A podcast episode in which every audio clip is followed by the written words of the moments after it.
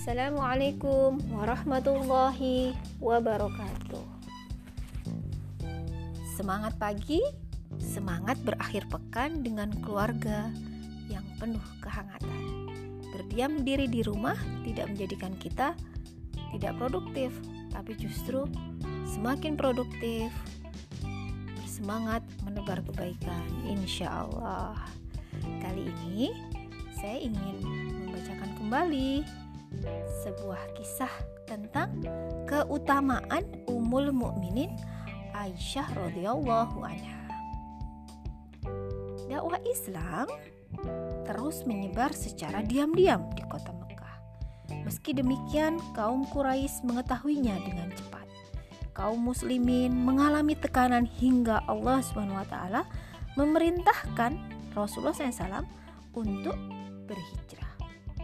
Rasulullah SAW pun berhijrah dengan mengajak Abu Bakar dan keluarganya ke Madinah. Nah, di kota Madinah inilah Aisyah radhiyallahu anha mengawali kehidupan rumah tangganya bersama Rasulullah SAW. Ia menempati sebuah kamar yang dindingnya menempel langsung dengan Masjid Nabawi, masjidnya Nabi Muhammad SAW. Dalam satu riwayat, rumah Aisyah radhiyallahu anha dikelilingi oleh malaikat. Allah Subhanahu wa taala yang memilih Ummul Mukminin Aisyah radhiyallahu anha untuk mendampingi Rasulullah. Ia juga merupakan satu dari tujuh sahabat yang paling banyak meriwayatkan hadis Rasulullah SAW. Ummul Mukminin Aisyah radhiyallahu anha adalah wanita istimewa Pernah suatu kali ketika Aisyah radhiyallahu anha mengikuti suaminya dalam perang Bani Quraizah, malaikat Jibril datang dan memberi salam kepada Aisyah radhiyallahu anha. Masya Allah. Rasulullah SAW berkata kepadanya, Wahai Aisyah, ini Jibril, ia mengucapkan salam kepadamu. Wa alaihi salam warahmatullah. Engkau melihat apa yang tidak bisa kami lihat, ya Rasulullah. Jawab Aisyah radhiyallahu anha, senang mendapat salam dari malaikat Jibril. Nah, masya Allah ya, langsung dapat salam dari malaikat Jibril. Keutamaan Aisyah radhiyallahu anha yang lain adalah ketika ia difitnah oleh orang-orang munafik. Allah Subhanahu wa taala membelanya. Ia menjadi sebab turunnya surat An-Nur ayat 11. Allah Subhanahu wa taala telah mengembalikan nama baiknya yang tercemar gara-gara fitnah orang munafik. Peristiwa ini disebut apa ayo? Hadisul ifki ya. Jadi sekelas Bunda Aisyah pun difitnah tentang fitnah lawan jenis. Nah, ada pelajaran yang bisa dipetik dari peristiwa hadisul ifki ini bahwa jangan mudah percaya dengan berita bohong.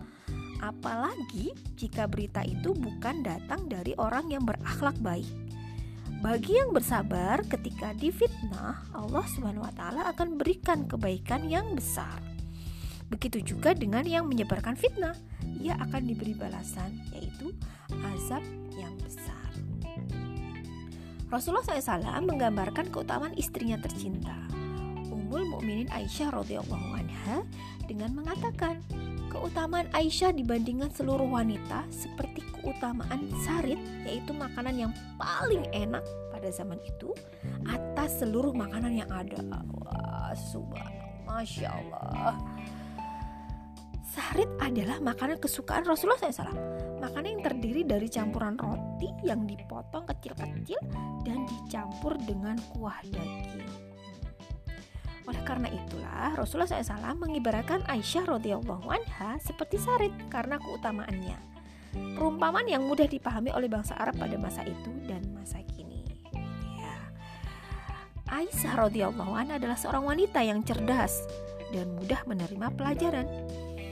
Ia pun pandai dalam ilmu pengobatan yang langsung dipelajari dari Rasulullah SAW. Aisyah radhiyallahu anha yakin setiap penyakit pasti ada obatnya. Oleh karena itu, mempelajari obat-obatan untuk mengobati penyakit adalah sebuah ikhtiar.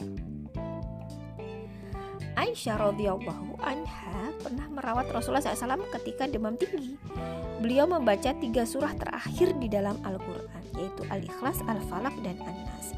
Kemudian, setelah selesai membacanya, ditiupkan bacaan itu di atas kedua telapak tangannya dan diusapkan ke seluruh tubuhnya. Selain itu, Aisyah radhiyallahu anha pernah mendengar kisah para sahabat dalam sebuah perjalanan. Ketika itu salah seorang dari mereka disengat kala jengking. Kemudian sahabat itu mendapat perawatan dengan cara dibacakan surah Al-Fatihah di atas lukanya. Ajaib, lukanya sembuh. Demikianlah selain obat yang diminum, Al-Quran yang diturunkan oleh Allah Subhanahu wa taala lewat rasulnya yang suci adalah syifa. Al-Quran yang suci, yang suci adalah syifa, obat bagi segala penyakit, baik penyakit jasmani maupun rohani. Aisyah radhiyallahu anha tercatat sebagai ummul mukminin yang banyak melakukan berbagai hal yang luar biasa. Peranannya dalam jihad di jalan Allah SWT pun tercatat indah dalam sejarah Islam. Seperti itu. Peranan apa yang telah dilakukannya? Ya, simak episode selanjutnya. Jadi sekian dulu tentang keutamaan Ummul Mukminin Aisyah radhiyallahu anha. Semoga kita bisa meneladani beliau. Bismillah, uh, menjadi lebih baik dan terus semangat menebar kebaikan. Sekian, assalamualaikum warahmatullahi wabarakatuh.